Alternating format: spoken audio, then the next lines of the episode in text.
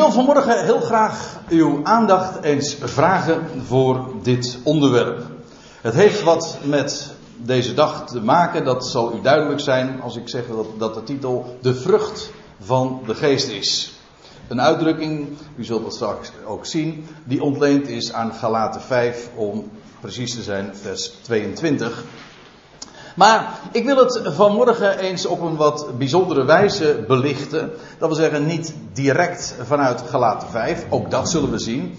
Maar ook geïllustreerd aan de hand van de lampen in het heiligdom. En ik kan me zo voorstellen dat dat voor een aantal van u wat cryptisch overkomt. Maar ik denk dat dat over een uur inmiddels wel wat duidelijker geworden zal zijn. Zoals gezegd, die vrucht van de geest, die uitdrukking, die frase, die komen we tegen, twee, als u een statenvertaling hebt, zelfs twee keer, maar daarover straks ook nog even een korte toelichting. Maar in Gelaten 5, vers 22. En ja, als ik dat dan zo citeer, dan staat dat uiteraard in een context. Er zijn al een, uh, ruim vier hoofdstukken aan vooraf gegaan. En Waarbij Paulus, en dat moet ik er misschien in dit verband wel even bij zeggen. Een hele goede morgen ook voor Esther die hier binnenkomt. Hartelijk welkom. Het staat in een, in, een, uh, in een context, en dat wil ik er toch even graag bij gezegd hebben. Dat in, verband met wat daar ook speelde en waarom Paulus deze brief schrijft. Dat is, dat is van belang om ook dit, niet alleen deze zin, maar ook dit, dit, dit zijn statement te verstaan. In Galatië, daar was ooit door de apostel Paulus zelf het goede bericht, het evangelie, verteld. Het evangelie van de genade van God en over wie God is en wat hij gedaan heeft wat hij gaat doen. En de nadruk daarbij ligt op genade. U ziet dat ook in Galaten 1, vers 6, als ik me niet vergis, waarin Paulus dat ook zo noemt. De genade Gods die u gepredikt is. En dat moet je heel letterlijk nemen. De boodschap gaat over God die vreugde geeft. Hij geeft. Het is niet een godsdienst die hij bracht, waarbij dingen geëist worden van de mens. Nee, het is de boodschap wie God is en wat hij geeft en wat hij bij machten is te doen en zijn belofte. Dat is met recht dus goed bericht, daar kan een mens niks aan afdoen, een mens kan er niks aan toedoen. Wat, eh, een belofte zou een mens geloven, gewoon beamen. En dan is zien en beleven wat dat uitwerkt. En dat hadden die Galaten ook uh, die Galatiërs, of hoe moet je ze noemen? Ja, gelaten kan je ook zeggen. Uh, ondervonden. Een geweldige power gaat eruit van dat evangelie. Voor een ieder die daar amen op zegt. Voor een ieder die het gelooft. Maar wat was het probleem? Wel, er waren mensen binnengekomen. Galatië is een landstreek daar in Turkije. Niet zo ver waar Paulus ooit zelf vandaan kwam. Tarsus, Zuid-Turkije. Hij was in, die landstreek waar een heel aantal gemeenten gesticht waren, gemeenschappen ontstaan waren. Daar waren mensen binnengekomen, judaïsten, mensen vertegenwoordigers van het jodendom. En die zeiden van ja, jullie zijn nu tot geloof gekomen, allemaal mooi. Maar uh, het gaat er ook om dat jullie ook verder komen en dat jullie ook gaan conformeren aan de gebruiken van de wet. Bijvoorbeeld dat de mannen zich zouden besnijden, zich zouden laten besnijden. De, ook de, de, hoogtijdagen van Israël, de Sabbat en uh, zoveel andere dingen die Israël vierde. Dat men, die, uh, dat men die ook zou houden. Kortom, dat men joods zou gaan leven, gejudaïseerd zou worden. En naar aanleiding daarvan, en dat hadden die, die, die mensen die dat daar kwamen brengen, die hadden succes, want velen lieten zich daartoe inderdaad verleiden. Het idee daarbij was van ja, we hebben nu wel een evangelie, maar dat kan dat kan natuurlijk nooit gewoon alleen maar evangelie blijven. Daar komt toch ook iets van de mens bij. We zijn ooit tot geloof gekomen en nu gaat het erom, wat doen wij? Herkent u het? Wat ik nu zeg? Ik wel eerlijk gezegd, want het is dat wat daar in Galatië beweerd werd door degene aan wie Paulus zich aanricht, hier in deze brief, dat is namelijk gewoon de standaardleer die momenteel in de hele christenheid geldt. Evangelisch moois, natuurlijk, we zullen niet ontkennen dat God genade bewijst enzovoorts. Niet te ruim natuurlijk, maar goed. En niet te groot, niet te breed denken, maar uh, nu gaat het er vervolgens om dat de mens ook wat gaat doen. Het, is, kan natuurlijk nooit uh, alleen belofte zijn. Er is ook, en voor degenen die vertrouwd zijn met het Calvinistisch gedachtegoed, wat hier in Nederland toch echt wortel geschoten heeft. Ik hoef alleen maar de uitdrukking te gebruiken: belofte en eis.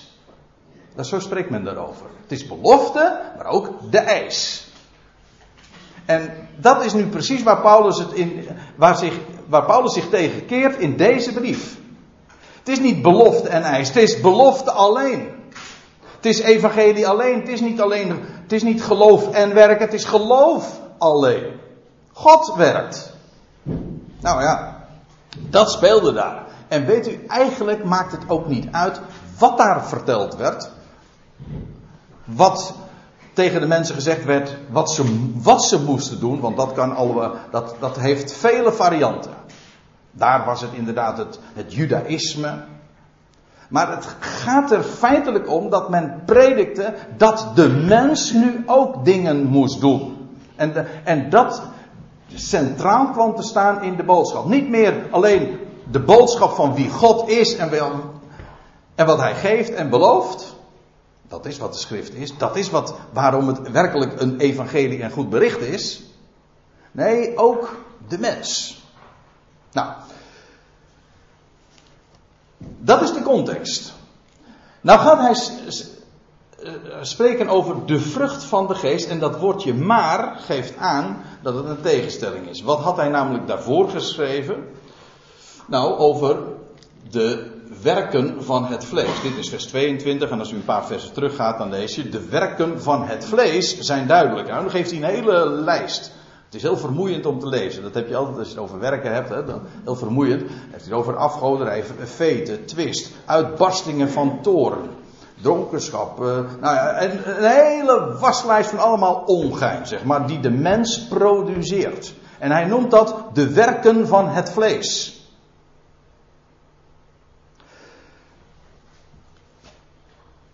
Waarbij je een, een tweetal tegenstellingen zo al, als je de, de uitdrukkingen zo onder elkaar legt, zoals u dat hier ook ziet geprojecteerd, uh, ziet. Het is aan de ene kant de vrucht tegenover werken. Werken is iets, ja wat, ja, wat is werken? Dan doe je dingen om geld, hè, om te verdienen. Dat is wat werken is. Een, vrucht ontstaat spontaan een boom werkt niet. Die doet wel van alles, maar werkt niet. Dat gaat namelijk organisch, spontaan. Werken, daar moet je wat voor doen. Daar moet je op gefocust zijn. Dat kost heel veel moeite en inspanning. En je zou het eigenlijk liever niet willen, niet waar? ja, dat is wat werken is. En dan ben je blij als het werk voorbij is. Nou, uh, dat is even een onderwerp apart. Maar vrucht tegenover werken. En natuurlijk, dat is, ook, dat is ook duidelijk. Geest staat tegenover het vlees. Vlees, dat is dat wat u hier ziet. Hè, gewoon de mens. Vlees. En geest, ja, dat is wat je niet kunt zien. Eigenlijk geest is een verzamelnaam. Voor alles wat je niet kunt zien. Het kan van alles eigenlijk betekenen. Zegt meer eigenlijk over ons onvermogen, want geest staat voor dat wat je niet kunt waarnemen. Of beter gezegd, wat je niet kunt zien. In de Bijbel is bijvoorbeeld geest, ook wind is ook geest. Ruach. Het Hebreeuwse woord ruach, dat wordt soms vertaald wind, geest. En dan, eh, bij ons ontstaat de verwarring, want we zeggen dat zijn toch twee totaal verschillende dingen. Maar in het Bijbels gedachtegoed niet. Geest is namelijk dat wat je niet kunt zien. Het kan ook adem zijn. Het kunnen ook geesten zijn in de zin van uh, onzienlijke wezens die zich onttrekken aan het oog. Dat helemaal geest. God is ook geest, staat er. Kun je ook niet zien. Hij is de onzienlijke God en daarom per definitie geest. Hier is uh, geest zelfs een, nog een specifieke uitdrukking voor het nieuwe leven. Leven kan je ook niet zien. Je ziet wel de uitingen ervan, maar leven zelf kan je niet zien. Zo onttrekt zich ook aan het oog. Nou, ik, daar kom ik, daar beloof ik, bij deze, daar kom ik echt nog even op terug, want het is van belang. Maar nu even, het staat tegenover dus de werken van het vlees, dat is duidelijk. En waarom Paulus juist deze uitdrukking gebruikt, en dat, dat wil ik ook wel even onderstrepen. Waarom Paulus hier spreekt over de vrucht van de geest tegenover de werken van het vlees, dat is ook in helemaal in de, dat laat zich verstaan in de context van wat daar plaatsvond in die landstreek van Galatië. Namelijk, het, de mens, het vlees, werd aan het werk gezet. Er werd van alles geëist wat een mens moest doen. Zo makkelijk is het allemaal maar niet. Het is heel vroom, want hoe meer dat verteld wordt, hoe vromer, godsdienstiger de mens wordt. Hij spant zich meer in, maar weet je wat de ellende ook, en die, dat heeft direct mee te maken. Er gaat competitie, drang uh, ontstaan. De een is, voldoet wel aan de verwachting en de ander niet. Je gaat elkaar beoordelen. Hoe ver ben jij al? Want ja, er worden dingen van de mens geëist. Wat kan jij aan de eisen voldoen? Nou, als iemand eerlijk is, dan kan die eh, nooit aan de eisen voldoen. Dan zegt van ja, ben ik wel, dien ik hem wel genoeg? Heb ik hem genoeg lief? Nou, stel zulke vragen en geheid, je zal, als, ik, als je zulke vragen gaat stellen, dan ontstaat er alleen maar onvrede. Want je voldoet namelijk nooit aan de norm. Je zou eigenlijk altijd zoveel meer, zoveel anders. En daarin faal je. Je wordt teleurgesteld, ontstaat onvrede. Daar word je niet blij van, daar word je ziekeneurig van.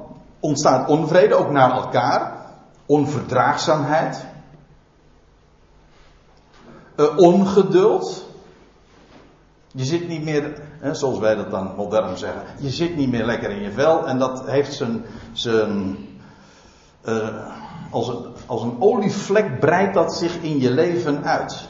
In je, in je, voor jezelf al, maar ook in je verhoudingen, in dat wat je doet.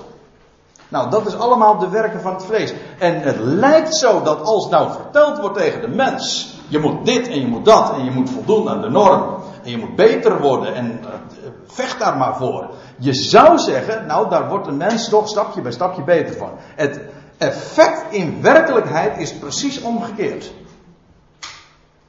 Paulus legt dat niet hier in de gelaten alleen uit. Hij legt dat ook uitgebreid in de Romeinenbrief uit. Hij zegt zelfs dat God ooit de wet gegeven heeft. Niet opdat de mens beter zou worden, maar juist opdat de zonde zou toenemen. Dat vind ik altijd weer zo'n mooie, onorthodoxe uitspraak, maar het is gewoon waar. Je ziet het. En ik, nog niet zo lang geleden heb ik daar nog een heel gesprek over gehad met mijn vrouw. En toen ging het ook over een godsdienstige gemeenschappen, waarvan ik de naam nu niet noem, want dat doet namelijk helemaal niet de zaak. Het gaat me ook helemaal niet om met de vinger te wijzen, maar waarbij altijd maar weer de nadruk gelegd wordt op de wet. Wat een mens moet doen. En men, ver, dat is ook een uitdrukking uit ditzelfde hoofdstuk trouwens, men bijt, verbijt en vereet elkaar. Als je vereet, uh, snel zegt, dan weet je meteen wat het is. Dat, ze vreten elkaar op. Echt. Heel godsdienstig, maar zoveel innerlijke onvrede, maar ook zoveel onvrede naar elkaar toe. Dat is de, allemaal de werken van het vlees. Op het moment dat je dat gaat benadrukken, de wet, zegt Paulus, nou zeg ik het heel kort, en uh, dat is een waarheid die je gewoon moet leren. En eigenlijk al zo vroeg mogelijk. De wet is de kracht der zonde, zegt Paulus. 1 Korinthe 15. De prikkel van de zonde. Romeinen 7. Dus als je, wil, als je de zonde wil activeren, dan moet je de wet gaan prediken. De blijde boodschap is, is, daarin wordt de mens niet aan het werk gezet. Daar wordt een boodschap gebracht van wie God is en die boodschap draagt vrucht. Daar wordt niet verteld over wat een mens moet doen, maar het heeft wel consequenties. Niet door wat de, het vlees doet, wat door wat de mens zeg maar presteert, want daar, daar kijken we niet naar, daar hebben we het niet over, dat stelt per definitie teleur, sowieso. Nee, het gaat erom wat die geest wat die geest is, dus, nogmaals, daar kom ik nog op terug. Maar het gaat erom wat die geest dan vervolgens uitwerkt. Dat heeft effect. Nou, lees het maar. Nou, dan zal ik eventjes dat vers lezen. Een prachtige beschrijving over wat de vrucht is van de geest. Wat de geest, niet de mens, wat de geest produceert. Organisch, levend, vruchtbaar, vruchtdragend. De vrucht van de geest is liefde, blijdschap, vrede, langmoedigheid. Langmoedigheid betekent lang van gemoed, hè? geduld, vriendelijkheid. Dat woord is, valt, valt wat af te dingen, maar dat doet nu even niet ter zake. Goedheid, trouw, zachtmoedigheid, zelfbeheersing. Als u een statenvertaling hebt, staat matigheid. Dat wil zeggen het vermogen om maat te houden. Dat is de vrucht van de geest. Niet dat wat een mens kan bewerken. Ik, ik, word, niet moe om dat te benadrukken. Want dat is namelijk essentieel. Dit is wat de geest produceert. Ik vond dit uh, plaatje op internet, want toen ik hier zo mee bezig was, en dat vond ik een. Heb het overgenomen, het is weliswaar in het Engels, maar dit is de vrucht van de geest. En waarom heb ik het overgenomen? Omdat het degene die dit artistiek heeft verbeeld, uh, precies begrepen heeft, als u het mij vraagt, waar het om gaat. Namelijk dat uh, het hier feitelijk uh, de liefde staat daarin centraal, of zal ik het zeggen, is primair. Ik zal het nog anders zeggen. Er staat hier eigenlijk de vrucht van de geest is liefde. En dan staat er in onze, vertaling, in onze vertaling altijd een komma. Maar als je het mij vraagt, hoort daar gewoon een dubbele punt te staan. De vrucht van de geest is liefde. Wat is liefde? Nou, dat is blijdschap, vrede, langmoedigheid, vriendelijkheid, goedheid, trouw, zachtmoedigheid, zelfbeheersing. En als u geloven wil, dan gaan we even double-check doen. Kijk in 1 Korinthe 13, de lofzang der liefde, maar is na het bekende hoofdstuk. Een, Bartje zei 1 Korinthe 13, hè, of zoiets in het Drents. Maar in dat hoofdstuk, daar wordt gezegd, de liefde is langmoedig, ze is vriendelijk, ze verheugt zich. Nou ja, en al die dingen die hier, of in ieder geval heel wat van die dingen die hier genoemd worden, daar wordt, daar wordt gezegd dat, dat zijn kenmerken of eigenschappen van de liefde. Zodat je feitelijk komt bij een achttal eigenschappen, maar ik zal dat straks nog even benadrukken, even laten zien. Maar nog even dit. De vrucht van de geest is liefde. Ik heb daar het, het Griekse woord wat Paulus hier gebruikt. Uh, even tussen haakjes uh, gezet, want het Grieks dat heeft diverse woorden voor liefde. Maar één woord dat in de Bijbel juist een grote rol speelt, maar dat in het profane Grieks veel minder een rol speelde. Waarom? Omdat het goddelijke liefde is. Eigenlijk dat woord AKP, dat is de liefde Gods.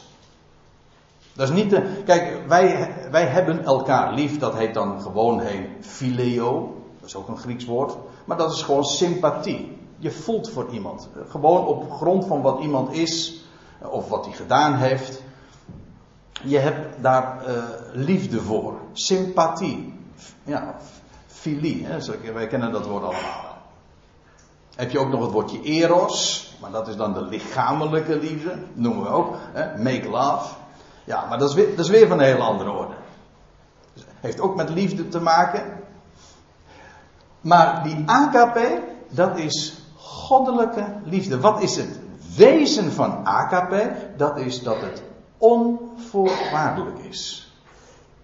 Waar Gods liefde omvat namelijk alles. God, waarom heeft God de wereld lief? Waarom heeft, zoals de Bijbel dat zo als vanzelfsprekendheid zelfs neerzet, hij heeft lief omdat we van hem zijn. Daarom, wat je ook ziet, we zijn allemaal creaturen van hem. We zijn door hem bedacht, we zijn door hem gemaakt, we zijn van hem en dus houdt hij van ons. Laat hij ook nooit meer gaan. Het is toch waar, hè? Ik ga nou niet vertellen dat dit een ketterij is. Dat, ik weet, het wordt gezegd dat het een ketterij is en de grap is, als je de, een kerkdienst vangt dan aan, altijd met die prachtige woorden. Hij laat nooit varen de werken zijner handen. Ik Ik denk wel eens, zou de kerkdienst dan maar stoppen. Dan zou het namelijk een prachtige kerkdienst zijn. Het is waar. Hij laat nooit varen de werken van zijn handen. Waarom niet? Nou, het zijn werken van zijn handen. Zijn, zijn schepselen. Wij kennen in de menselijke zin ook een, toch wel die liefde. In, dan praten we over de liefde van een vader en een moeder voor de kinderen. Dat is ook een onvoorwaardelijke liefde. Dat is een liefde die eigenlijk die AKP sterk benadert. Dat is namelijk ook onvoorwaardelijk. Weliswaar beperkt, namelijk alleen voor de kinderen. Maar het is wel liefde die geen voorwaarden kent. Het is niet gebaseerd op sympathie. Wat, al is je kind nog zo'n draak, je houdt ervan. Waarom? Ja, het is je kind. En dat kan complete weg kwijt zijn en verschrikkelijke dingen. Blijft je kind. Dat is liefde die niet te maken heeft met eigenschappen van de ander, maar gewoon gebaseerd is op het feit, het is van jou. En dat is ook Gods liefde. De liefde Gods is inderdaad allesomvattend. Waarom? Het is van Hem. Nou, dat is die. Als hier staat, de vrucht van de geest is liefde, dan is dat inderdaad de liefde voor heel zijn schepping. Je hebt lief. Je geeft alles de, een plaats. Hè? De ruimte. Want liefde is eigenlijk een ander de ruimte geven. Dat is wat God doet. En als de liefde Gods in onze harten is uitgestort, dan leren we dat ook. We weten, God houdt van deze wereld. Dan ga je ook ga je anders naar de wereld kijken. Waarom? Gewoon je, vanwege die boodschap. Die, die, verandert je, je denken. Van binnenuit dus. Hè? Niet van buitenaf wordt iets opgelegd, maar het verandert je van binnenuit. Nou, die, de vrucht van de geest is liefde. De liefde Gods. En dan vind ik het zo mooi. Ja, ik vind een heleboel dingen mooi. Maar uh, dat als eerste eigenschap dan genoemd wordt blijdschap. Vreugde. Dus waaruit trouwens ook weer volgt dat dat iets is wat te maken heeft met genade. Ik heb het er expres ook even bijgezet, want dit woord dat is eigenlijk afgeleid van charis, maar charis dat is ook het woord voor genade. Wij hebben daar twee woorden voor, vreugde en genade, maar in het Grieks is het één. Genade is alles wat blij maakt.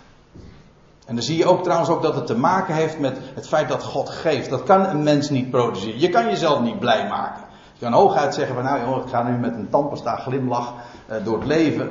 Maar dat is heel vermoeiend. Dat is ook weer een werk. Een heel vermoeiend werk ook uiteindelijk. Van het vlees. Maar het veel mooier als je gewoon. Ja, je wordt blij. Kijk, vreugde is iets wat je ontvangt. Je wordt blij gemaakt. Je hoort iets, of je maakt iets mee en dat maakt je blij. Ja, dat, dat, dat, heeft zijn uitwerking natuurlijk. Dan ga je spontaan lachen, dan ga je stralen. Maar de vrucht van de geest is blijdschap. En als je eenmaal blijdschap hebt, dan gaat het hele leven veel makkelijker. Het is de smeerolie in je leven. Dat zie je hier ook. Het begint met, met die liefde. Ja, het is inderdaad liefde, maar het is vreugde. En wat dat dan alles weer vervolgens uh, met zich meebrengt. De vrucht van de geest.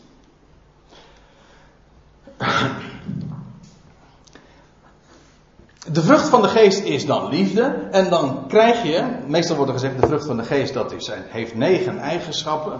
Ik, ik, tel het persoonlijk dus anders, maar dat heb ik al even toegelicht. De vrucht van de geest is liefde, dubbele punt, blijdschap, vrede, tel het maar na, dat zijn dan acht, vervolgens acht eigenschappen. Dat is wel een mooi getal trouwens in dit verband. Dat is eigenlijk nog een dubbele drie ook. De drie in spiegelbeeld. Ja, moet je maar eens over nadenken. Maar ik zal je vertellen, de acht is namelijk in de Bijbel het getal van een nieuw begin. Zeven is het getal van volheid. Het Hebreeuwse woord voor zeven is zelfs hetzelfde woord als volheid, dus dat, dat kan al niet missen. Of verzadiging. Uh, nou ja. In elk geval, 7 is, dat is vrij algemeen bekend. Ik zeg daar denk ik niets nieuws voor de meeste mensen. 7 is volheid. En de 8 is iets nieuws. Een nieuwe reeks. Altijd weer. Logisch, als 7 de volheid is, is de 8 weer een nieuwe aanvang. Do, re, mi, fa, sol, la, ti. Do. En dat is dan weer de achtste, maar ook de eerste. Maar wat dacht je wat? We zijn, we zijn hier nu bij elkaar op zondag. Maar dat is ook de, de achtste dag en daarmee weer de eerste. En dat is inderdaad dan ook nog eens een keertje. Het was ook de derde dag. Ja. Een nieuw begin. De Heer Jezus Christus stond op daags na de Sabbat. Hoe dat precies zat, daar gaat het nu even niet om. Hij stond op daags na de Sabbat. Inderdaad op de eerste dag van een nieuwe week. Daarmee dus de achtste dag. De vervulling van de drie. Een nieuw begin. En dan uh, die acht. Ja, ik zit vanmorgen gewoon ook wat ja, ik, laat dus de schrift zien, maar ik zit ook wat hard op te denken. En ik leg wat associatie, allemaal verbanden. Alles in de Bijbel hangt met elkaar samen. En dat is een schitterend schilderij wat zich voor je ogen gewoon ontvouwt. Wat je ziet bijvoorbeeld in het Hebreeuws. Hebreeuws, dat betekent letterlijk van de overkant. Dat is de taal van God. Die van de andere zijde komt. Maar in het Hebreeuws is het, het getal 8 is shmoneh weet ik nog wel vrij goed. Ik heb ooit eens een jaar of wat uh, Ivriet geleerd in het Hebreeuws. Moderne Hebreeuws is 8 nog steeds Shmoneh. Nou, dat, waarom, waarom zeg ik dat nou? Uh, omdat dat namelijk weer samenhangt direct met andere woorden als Shemen. Of, en dat is het, eh, het Hebreeuwse woord voor olie. En als ik het heb over olie, ik zeg dat meteen maar even op voorhand, dan heb ik het niet over dat spul wat uit de onderwereld komt, waar zo enorm veel gedonder over is in de hele wereld en waar de hele wereldeconomie over op draait. Nee, als de Bijbel het over olie heeft, dan heeft ze het over dat spul wat je uit de, zo uit de lucht plukt. Uit de hemel haalt, zeg maar. Olijfolie bedoel ik. Olie is in de Bijbel altijd olijfolie. En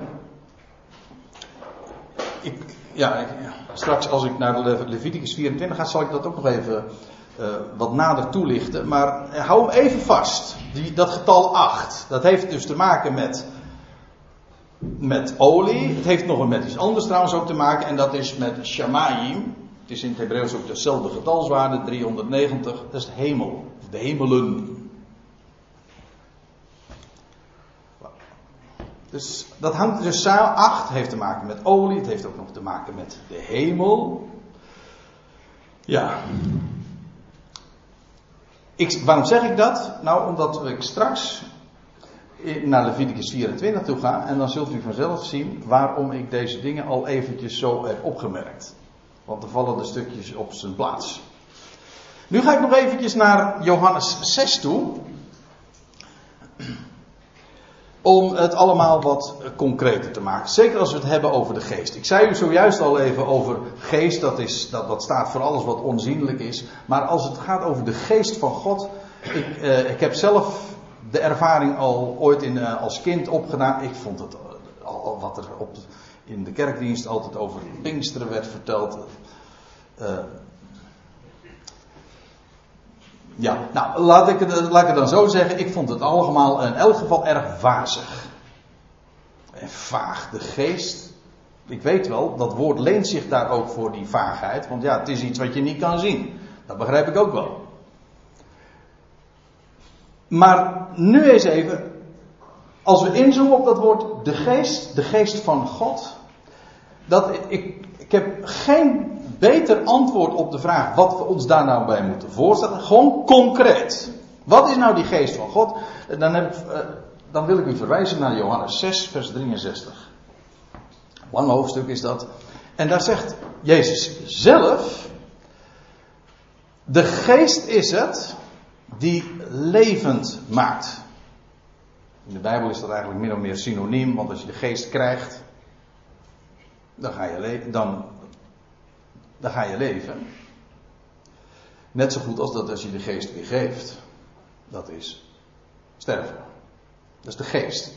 Maar de geest is het, nu met hoofdletters, de geest namelijk van God, is het die levend maakt. Leven met allemaal hoofdletters, want leven dat de dood achter zich heeft, dat sterker is dan de dood. Dus echt leven. Ik denk altijd, wat wij leven noemen, dat is eigenlijk geen leven.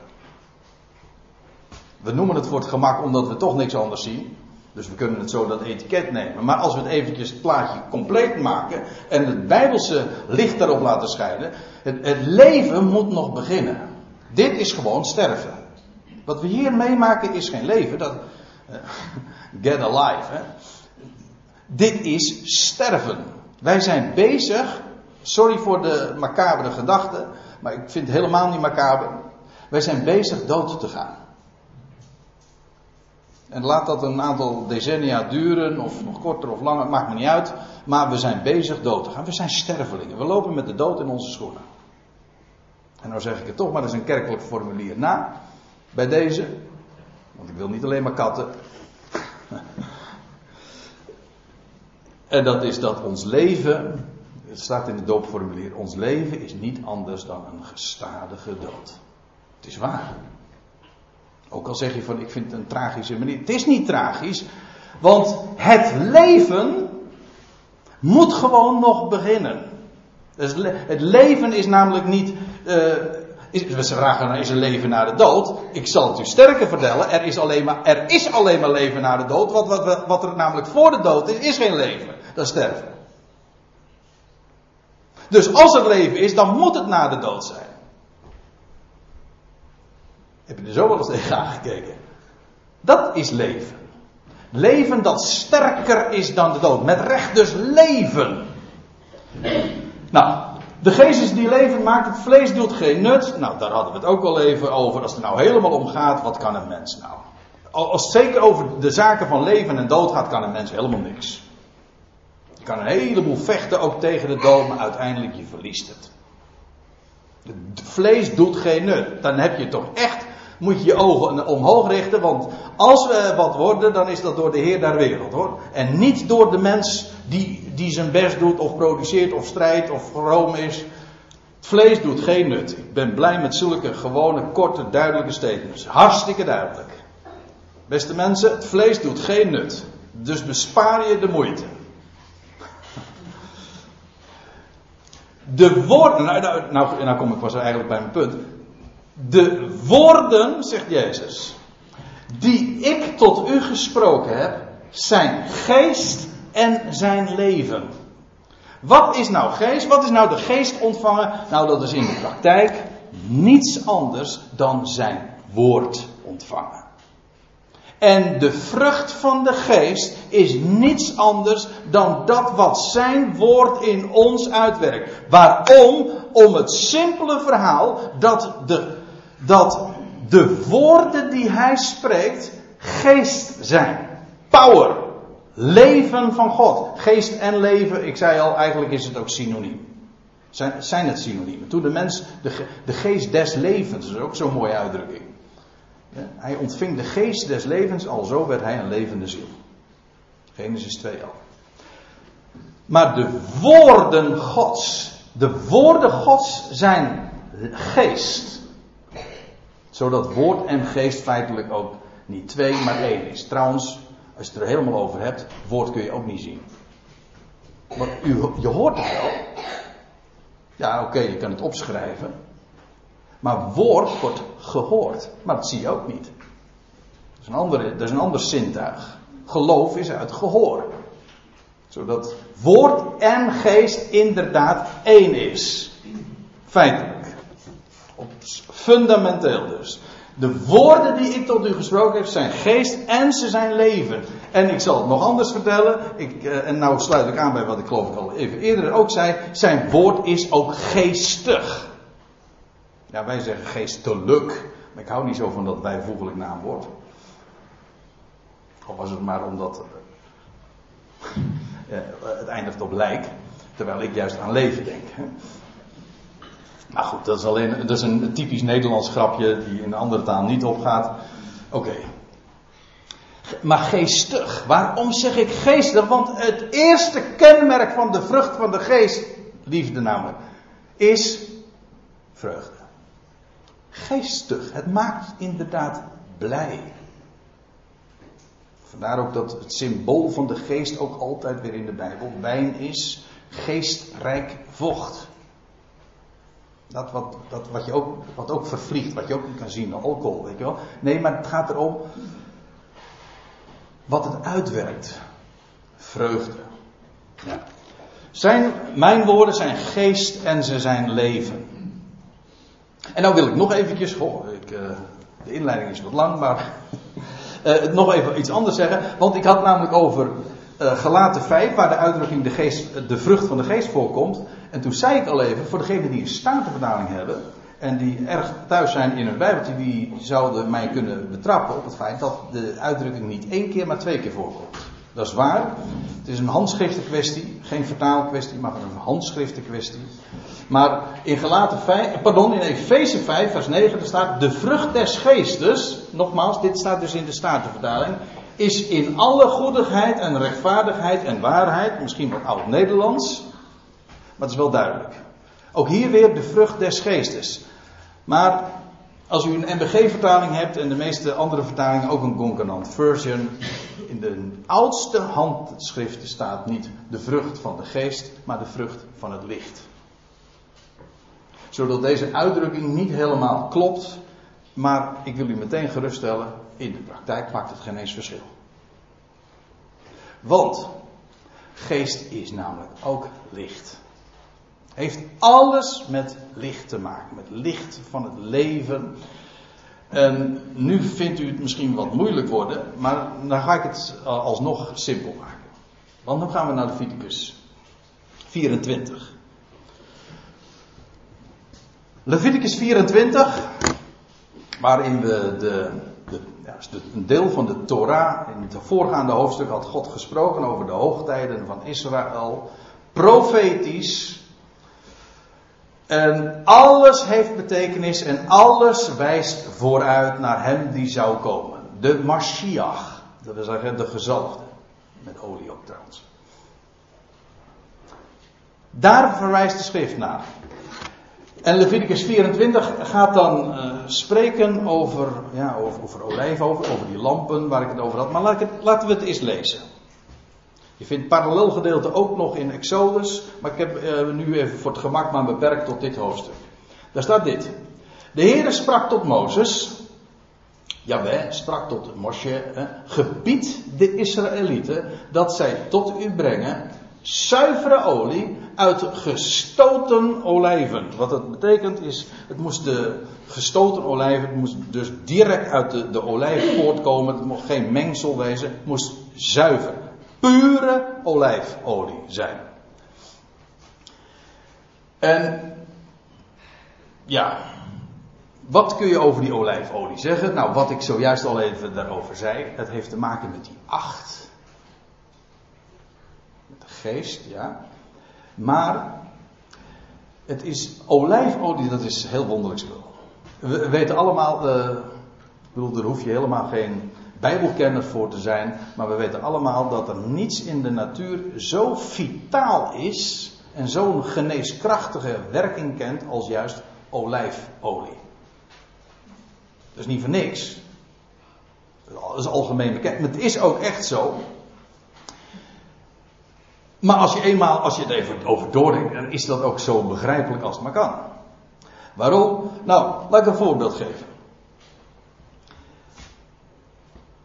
Een, olijf, een olijfboom, nee pardon, een olijfolie uh, komt uiteraard voort uit olijfvrucht en een olijf een olijfvrucht groeit, wat dacht je wat, aan een olijfboom. Maar een olijfboom is een embleem van onvergankelijk leven. Ik heb hier een plaatje van een, uh, van een oude olijfboom, die zomaar duizenden jaren oud kan zijn. Met gemak, want het is namelijk een boom die niet doodgaat.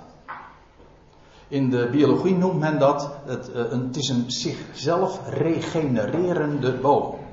Regeneratie is wedergeboorte. Dat wil zeggen, hij sterft af, maar hij overwint de dood. Dus het is een prachtig symbool van overleven dat sterker is dan de dood. Daarom is het een van de weinige bomen die in principe gewoon ook niet doodgaan. Je kan hem omhakken, maar ik begrijp wat ik bedoel. Een boom die niet doodgaat. En daarom, het, uh, het, heeft, het inderdaad ja, geneeskrachtige werking. In de Bijbel lees je ook dat zieken gezalfd worden met olie. Wat dacht je? Wat? Uh, van die, uh, de gelijkenis van de barmhartige Samaritaan. Daar lees je over die, Samaritaan, die, die man die daar uh, half, dood, half dood lag. Aan de kant van de weg. En wat deed hij? Met, met zijn wonden, hij goot olie op de wonden. Wij doen vaak wat andere dingen. Hè? Hoe zeg je dat? Zout in de wonden.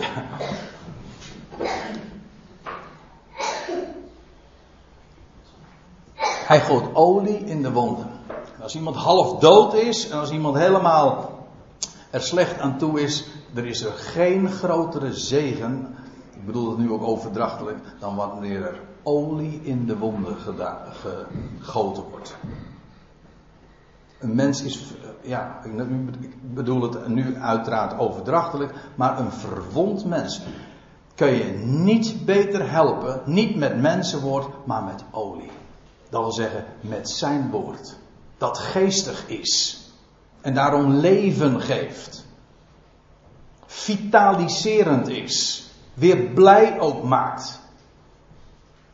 Dat is, geen, dat is niet wat mensenwoord doet. Dat is ook niet wat een psychiater kan doen met alle achting voor deze beroepsgroep. Maar dat is domweg niet wat een mens kan. Het vlees doet wat dat betreft. Als fundamenteel uh, we even benaderen doet het vlees geen nut, maar zijn geest wel maakt levend. En, geeft, en wat is die geest dan? Is dat wazig? Zoals daar zo in de christelijke wereld over het algemeen heel wazig over gedaan wordt. Nee, dat is heel duidelijk, dat is heel concreet. Dat zijn woord namelijk. Zijn woorden. Neem dat tot je of laat je inderdaad, laat daar olie gegoten worden in de wonden. Dat geneest. Hij, hij zingen we ook in een lied. Hij balsemt de wonden en heelt alle smart. Hoe doet hij dat? Door er olie in te gieten. Zijn woord namelijk. Ja, kent u dit plaatje? Nou, de meeste toch wel, denk ik. Ja, dat is de Olijfberg. De Olijfberg. En wat dacht je wat? Die, die berg wordt gekenmerkt van oudsher juist door olijven. Uiteraard, daarom heet die berg ook zo. De berg der olijven. Het is de berg waar de Heer ooit, dat is een verhaal apart, leed, stierf en ook opstond. Dit wat ik nu zeg is onbekend. Wat bekend is, is dat hij daar ook ten hemel voer. En, moet ik erbij zeggen, om het verhaal even compleet te maken, hij zal straks Binnen afzienbare tijd, mag ik inmiddels zeggen, zal hij ook terugkeren en zijn voet zetten op die berg. De Olijfberg. Die bij die gelegenheid midden door zal splijten. Nou ja, ja, dat is geweldig. Schitterend wat de Bijbel daarover zegt. Maar de Olijfberg. Hier verliet de Heer het aardse toneel. Hier verdween hij uit het oog. Maar als hij straks terugkomt, dan, dan wordt als het ware dat hele gat weer gedicht. Hij komt gewoon daar weer terug. Hij pakt, daar, hij pakt de draad op, daar waar hij hem losliet. Hij ging ten hemel in, de Shamaim. Waarom? Nou, op de berg van de olijven, Shema. En wat doet hij dan vervolgens? Oh ja, dat plaatje had ik er ook nog bij gezet, dat is ook zo. Dat is zalven we hadden het net over salven met olie voor verwonden. Maar wat dacht je? In de Bijbel worden juist mensen die in een, eh, tot profeet, tot priester of tot koning wordt je gezalfd. Hier een plaatje van David, die gezalfd wordt. Door de. Nee, door een hoorn, ziet u trouwens. Ja, details zijn belangrijk in de Bijbel hoor. Even, even tussendoor. Ik doe het. Ik, ik kan het niet nalaten. Want David werd gezalfd, inderdaad, met olie. Hij werd een gezalfde, in het Hebreeuws gewoon een Mashiach. Als ik het Grieks zeg, hij werd een Christus. Maar het betekent gewoon allemaal, hij werd een gezalfde. Hij ontving leven. Maar hij werd gezalfd, staat er, met een hoorn. Voor hem regeerde koning Saul. En die werd ook gezalfd door dezelfde profeet trouwens, 40 jaar eerder, door Samuel. Maar dan lees je, Samuel zalfde Saul niet met, vanuit een hoorn, maar in een aardekruik. Een beeld van vergankelijkheid. Het was van voorbijgaande aard. En inderdaad, het koningschap was van Saul was op voorhand al bestemd om over te gaan naar een ander. En dat is het hele idee. De echte koning, een hoorn is in de Bijbel altijd een beeld van een koningschap. De tien hoornen die gij gezien hebt, dat zijn tien koningen. Nou ja. Het, echt, het koningschap zou niet toekomen aan het huis van Saul, maar zou gaan naar het huis van David. Vandaar ook dat de gezalfde voortkomt uit deze man. Uit het koningshuis, uit de dynastie van David. Duizend jaar later, maar dat huis. Ja, nou ja, in ieder geval, hij werd gezalfd met olie. Dat, dat, daar ging het maar even om. Uh, de heer sprak tot Mozes gebied de Israëlieten dat zij tot u brengen zuivere olie uit gestoten olijven voor de kandelaar om voortdurend een lamp te laten branden. Ja, dus die hoge priester, dan moet ik even, even kort ter toelichting zeggen, die hoge priester, die ging, moest dagelijks naar binnen gaan in die tent, in de tabernakel, later de tempel, maar eerst in de tabernakel. En moest hij het heiligen betreden. En in dat heilige stonden diverse attributen, maar de, tafel van de toonbrood, het reukofferaltaar, maar vooral ook de kandelaar. De menorah. Want dat is wat, het woord wat hier staat. De menorah. En die moest hij dagelijks verzorgen, zodat daar licht zou schijnen. Die kandelaar die u hier ziet, dat was feitelijk een boom. Ik zal het u laten zien. Want als dan die wetgeving gegeven wordt over die kandelaar, want alles wordt tot in detail beschreven. Overigens, dit is inderdaad ook die menorah, het nationale embleem van Israël.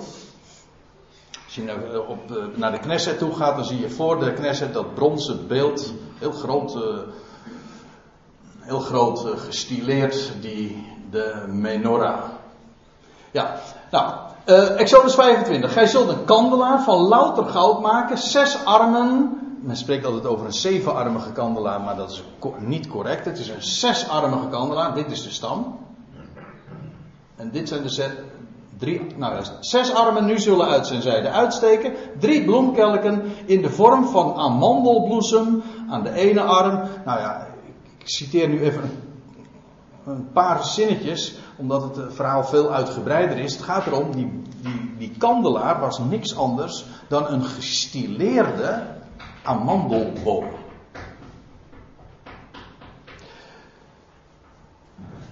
Feitelijk was het dus een boom met takken, die vruchten gaf. En vervolgens ook licht produceerde. Vrucht, licht. Hm? Ja, en waarom trouwens die amandelboom heeft ook weer alles te maken met nieuw leven. Ik hoop dat u er nog bij bent. Ik heb nog voor de rest een heel weekend om bij te komen. Maar we gaan zo dwars. We, maakt niet uit. Weet u wat, vind ik altijd zo mooi bij Bijbelse typologie. Want welke lijn je ook volgt, je komt uiteindelijk toch altijd weer bij hetzelfde uit. Dus ook al raakt u nu even de draad kwijt, don't worry. Uh, want we komen toch altijd weer uit bij de gezalfde. Dus dan zit je altijd toch weer goed meteen. Uh, waarom die amandelboom? Nou, dat is een mooi verhaal. Want een amandel in het Hebreeuws is het woord voor waken. Ontwaken. Ja. Broeder Theo Fredericks weet het. Ik ben blij dat hij als Hebreeuwse kenner mij nu bevestigt. En het woord des Heren kwam tot mij wat ziet gij Jeremia? En toen zeide ik zie een amandeltwijg. Nu zijn we dus weer in een heel ander bijbelhoofdstuk. En daar zeide, daarop zeide de Heer tot mij, gij hebt goed gezien Jeremia, want ik waak over mijn woord om dat te doen. In Nederlands ontgaat nu eventjes de link. Maar in met Hebreeuwse oren luisterend begrijp je het meteen. Want het woord voor amandel is in de Bijbel gewoon hetzelfde woord als voor waken. Dat komt ook weer omdat een amandelboom de boom is in Israël die het eerst tot bloei komt. Het eerst ontwaakt. Als, de natuur tot leven komt, ontwaakt, dan is daar eerst het, de, de witte amandelbloesem. Dat heeft dus te maken met ontwaken, met nieuw leven. Als de natuur dood was, dood was in de winter, komt het weer tot nieuw leven ontwaken. En dan revij, inderdaad. En uh, dat heeft dus daarmee te maken. Ik waak over mijn woord. Dat is zo geweldig. God, er is nergens waar God zo hoog over opgeeft als zijn woord. Want dat woord is vast, is betrouwbaar. Hij zorgt ervoor dat dat vervuld wordt. Daar gaat ook niks boven dat woord uit. Mensenwoord, ook al leidt dat tot prestaties, het is allemaal onzin. Ik zeg het eventjes heel zwart-wit. Het vlees doet geen nut. Weet u wat waarde heeft? Zijn woord spreken. Want zijn woord is krachtig, is levend en de Heer waakt over zijn woord. En dat geeft een mens alles wat je nodig hebt. Heb je wonden? Laat je gewoon verzorgen door die barmhartige Samaritaan, als u begrijpt wat ik bedoel. En hij waakt over zijn woord. Nou, dan gaan we weer even terug naar uh, Leviticus 24. Uh, buiten het, die, die, die priester die ging dus het heiligdom in met, met zuiver olie. Ging naar de kandelaar toe, moest hij dagelijks doen. Buiten het voorhangsel van de getuigenis, uh, in de tent der samenkomst, dat wil zeggen in dat voorste deel van die tent, het heilige. Daarachter had je namelijk nog de, de ark van het verbond. Maar daar moest hij dus naartoe. Zal Aaron die voortdurend verzorgen van de avond tot de morgen. Zodat als het s'nachts donker was, dat daar licht was in het heiligdom. Dus in de wereld was het donker, maar er brandt licht. Daar zou die hoge priester voor zorgen. En nou zal ik u eens wat vertellen. Maar ik hoop dat, u, dat een, eh, een aantal van u al eh, de draad hebben op, of in ieder geval dat het belletje al is gaan rinkelen. Want, wat is namelijk het verhaal? Die hoge priester is natuurlijk niemand anders als dan de Heer Jezus Christus zelf. De Christus, de gezalfde. En hij is inderdaad het hemels heiligdom ingegaan, is nu ontrokken aan het oog. Hij is vanaf de olijfberg omhoog gegaan, met olie om zo te zeggen. Het hemels heiligdom ingegaan. Straks komt hij weer terug hè, en dan komt hij weer op die olijfberg terecht. Maar hij is met olie naar boven gegaan, onvergankelijk leven. En daar is hij nu, ontrokken aan het oog. Maar wat doet hij dan? Nou, hij zorgt dat daar licht is. En wat hij doet is die, die kandelaren verzorgen. Die kandelaar, dat is een beeld van de gelovigen in de tegenwoordige tijd. Gewoon van u en mij. Als u amen zegt op dat woord, eh, dan, dan mag je weten, hij is die Heer, hij is die hoge priester, hij zorgt voor licht. Hij zorgt ervoor dat we gaan stralen. De vrucht van de geest dus. Hè? Ja, want hij zorgt ervoor dat die boom gaat bloeien, vrucht produceert, maar wat dacht u, wat die boom die gaat gewoon licht geven. Produceert licht. De vrucht van de geest. En hij verzorgt die in dagelijks, van de avond tot de morgen, verzorgt hij die lampen. En wat doet hij dan? Hij brengt olie, hij vult ze iedere keer bij, want dat is geen kwestie van een lichtje aansteken. Ook niet een kaars, nee. Hij, hij, die, die armen worden allemaal, of al die lampen, die worden telkens bijgevuld met olie. Zodat er altijd licht zou zijn in het heiligdom. De wereld mag het donker zijn, maar in dat heiligdom zorgt hij ervoor dat er licht is. En dat is een prachtige beschrijving van het werk van de Heer in onze dagen. Wat doet hij? Nou, gewoon de lampen verzorgen. Hij is daar in het hemels heiligdom en hij vult ons met olie. Gewoon dag, dagelijks. En wat is nou de boodschap? Niet uh, dat u iets moet gaan doen, dat is de werken van het vlees. Maar mijn boodschap is vanmorgen, ik kan het heel kort zeggen, is ga laten. Laat hem gewoon jou vullen. Laat hem gewoon jou vullen, elke dag weer. In de wereld is het donker, don't worry, zeg ik weer opnieuw. Dat is altijd, hè, wees in geen ding bezorgd. Hij zorgt voor licht. Hij zorgt voor olie. Hij vult je gewoon. Wees vervuld met de Heilige Geest. Ja, natuurlijk. Is dat iets wat jij moet doen? Nee, dat kan helemaal niet. Maar hij vult jou met zijn woord. Laat je vullen met dat woord. Elke dag. Zo, wil je stralen? Dat is een loffelijk streven. Want u weet, we weten allemaal, echte schoonheid komt van binnen. Dat komt niet door plastic. Uh, hoe heet dat ook weer? Hè? Botox en al dat soort ongein. Dat is nou typisch weer werk van de mens. Dat, zo zielig, dat is echt zielig. Maar wij hebben het over geestig. Hè? Ja.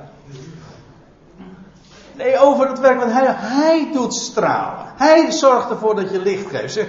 Maar is dat nou zo makkelijk? Ja, dat is inderdaad zo makkelijk. Dat woord van genade, dat, dat geeft hij. En hoe werkt dat dan in de praktijk? Hoe, wat is nou leven uit genade? Nou, dat is gewoon hem dank zeggen. Leven uit genade betekent niks anders dan hem dank zeggen in alles.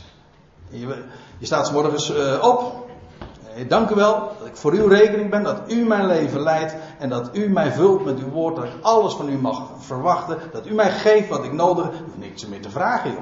Echt, dat is toch geweldig? Je dankt hem. Nou, als er wat gevraagd moet worden, laat me ook werkelijk beseffen dat u alles geeft. Dat bid ik wel, ja. Dat we het echt ook beseffen. Maar laat je vullen, laat je vullen. Weet en u zegt, ja, maar er zitten nog zoveel onreine elementen in mijn leven. Allemaal dingen waar ik, uh, ja, waar ik nog van af moet of zo. Dan vind ik er nog iets moois bij. Want hij, inderdaad, hij vult olie bij, maar hij zorgt ook nog voor de pit. Dat kun je ook dubbelzinnig opvatten. Ja, maar die pit, Ja, die, wat, dan lees je ook van de, dat uh, in de Bijbel over snuiters. Kent u dat woord, snuiters? Ja, ja tegenwoordig, ja, we, we, hebben we werken allemaal met elektrische verlichting. Dus we, een snuiter is gewoon een, een, een, zo'n schaartje om dat, dat verkoolde stuk van de vlaspit of van de, van de pit gewoon weg te knippen, zodat hij niet gaat walmen. Want als je dat namelijk niet doet, dan gaat hij wel rook produceren, maar steeds minder licht zwartigheid en zo. Dat, dat is juist niet de bedoeling. Nee, maar die, die, die priester die daar in het heiligdom dagelijks ging, die zorgde niet alleen maar dat hij bijvulde, maar alles wat er niet hoort en zo, knipt hij gewoon weg. Laat dat gebeuren. Ga laten, mensen. Hij doet dat werk. En dat is, dat is zo geestig. Dat is zo vreugdevol. Als hij dat werk inderdaad doet. En dat geeft inderdaad ons weer. Hoe dat zulke dingen in onze taal zo geslopen zijn, ik weet het niet. Maar ik verdenk wel eens een keertje degene die. Uh, de, degene die voor zulke uitdrukkingen gezorgd hebben, dat die meer hebben begrepen. Want wij spreken dan ook over pit. Hè? Zorgen voor pit. Ja, heeft ook weer alles met de vrucht trouwens te maken. Hij zorgt voor de pit, ja. En alles wat verkoold is en wat onzuiver is, wat onrein is, wat, het, wat alleen maar walm geeft, dat neemt hij weg. En weet u wat hij doet? Ook, er staat ergens in Jezaja, de walmende vlaspit zal hij niet doven. Dat wil zeggen dat wat een beetje staat te, ja, eh, hoe zeg je dat? Wat een beetje zielig staat te, te wakkeren, of wat bijna wat bijna uitdreigt te doven, dat maakt hij niet kapot. Integendeel. Hij, hij snuit het. Hij snijdt het. En hij vult het weer bij met olie. Hij heeft genoeg. Hij heeft olie genoeg. Dus wie geloven wil, moet u maar eens naar die weduwe van Zarvat gaan. En vragen. Olie plenty. In de wereld is tekort van olie. Daarom is, wordt die prijs zo hoog. Maar hier praten we over olie gratis. Genade, gratie. Voor niks. Genoeg, meer dan genoeg. En hij geeft je alles wat je nodig hebt. Nou, dat doet hij. Buiten het voorhangsel van de getuigenis in de tent der samenkomst zal Aaron die voortdurend verzorgen van de avond tot de morgen. Ja, dus in de wereld is het donker, maar hij zorgt ervoor dat je licht geeft, dat je gaat stralen. Ja, nou zou ik haast nog in de verleiding komen op deze laatste vers. Ik zie dat ik een beetje laat ben, maar uh, die hoge priester, ik kan het even kort zeggen. Die hoge priester die ging namelijk in het heiligdom. En wat deed hij dan? Nou, ik zal het lezen. Exodus 28. En gij zult op zijn, dat gaat over de hoge priester, zijn zomen, dus, dus de onderkant van zijn kleed. Op de zomen zult gij granaatappels, hebben we weer over een andere vrucht. We hadden het eerst over amandel, over olijf hebben we het nu al gehad, maar nu ook nog over granaatappels. Nu doe ik even dit, want nu, eh, we gaan niet over granaatappels hebben, maar er staat er. Uh, zomergranaatappels, in welke kleuren? Nou, in hemelblauw, in purper en scharlaken. Dat wil zeggen hemelblauw. Scharlaken, dat is rood, dat is de kleur van de aarde. Adoma, Adama. En nou ben ik bang dat alleen broeder Theo Frederiks dit volgt, maar het woord aarde is namelijk verwant aan rood. Goed. Uh, en dan heb je ook nog paars, purper, purple. En dat is de verbinding. Als je rood en blauw verbindt, dan krijg je purper. Purper is de kleur van de middelaar. Hij die hemel en aarde verenigt tezamen. Dat is purper. Die hoge priester, nou die was, dat was een heel kleurrijk kleed wat hij droeg, maar die ging dan het heiligdom in. Hij ging het heiligdom in met olie. Maar dan had hij daaraan die zomen, die, die vruchten, maar er staat erbij, rondom op zijn zomen, inderdaad, al die vruchtjes, uh, zouden ze zetten en daarbij, en gouden belletjes overal daartussen. Ja, zie je, uh, deze belletjes, allemaal belletjes, dus hij, u hoorde mij net praten over, gaat er al een belletje rinkelen? Nou, dat bedoel ik nu dus echt wel vrij letterlijk zelfs, want nu moet je eens lezen, en gij, uh, en gij zult op zijn en nu heb ik een foutje gemaakt. Want ik had een vers uh, later ook nog moeten citeren. Dat, uh, dat, maak ik nog wel even thuis in orde. Maar uh, ik kan het zo. ik kan het zo over doorgeven. Anders moet u het zelf maar eventjes in uw Bijbeltje nog nakijken. maar het zit zo. Als die hoge priester dus naar de, dat heiligdom binnenging. En die ging de, die, die kandelaar die verzorgen. Olie bijvullen elke dag zodat die, zodat die kandelaar elke dag zo licht produceerde. Die boom met zijn vrucht enzovoort licht gaf. Ook vervolgens die, die pitten verzorgde. Hij deed gewoon alles. Waardoor die boom ging, ging stralen, die kandelaar. Die hoge priester was ontrokken aan het oog. Niemand zag hem. Dat is precies ook de huidige positie. Er valt ook niks te zien. Nee, maar één ding wel. Hij viel, er viel niets te zien, maar die hoge priester is wel te horen. Want als die hoge priester daar in die, die tent daar bezig was, dan hoorde hij allemaal belletjes rinkelen. Daar was hij, hij was daar bezig. Dat, die, dat zoom van zijn kleed was helemaal om, om, uh, omringd door allemaal belletjes. Dus als hij daar liep en bezig was, hoorde je allemaal belletjes rinkelen. Hij, je, hij was niet te zien, laat ik het zo kort zeggen. Maar hij liet wel van zich horen. Zo staat het er ook precies bij in dat vers wat ik nu eventjes per abuis niet kan projecteren. Dat is de hoge priester. Hij laat van zich horen. Zijn woord, dat klinkt. Die hoge priester, hij valt niet te zien. Nee, maar zijn woord klinkt. En zijn woord is levend, is krachtig en maakt ons geestig en produceert vrucht. Rijkelijk. Hij doet dat en hij laat ons zo ook stralen en die vrucht produceren. Dat is zijn werk. Amen.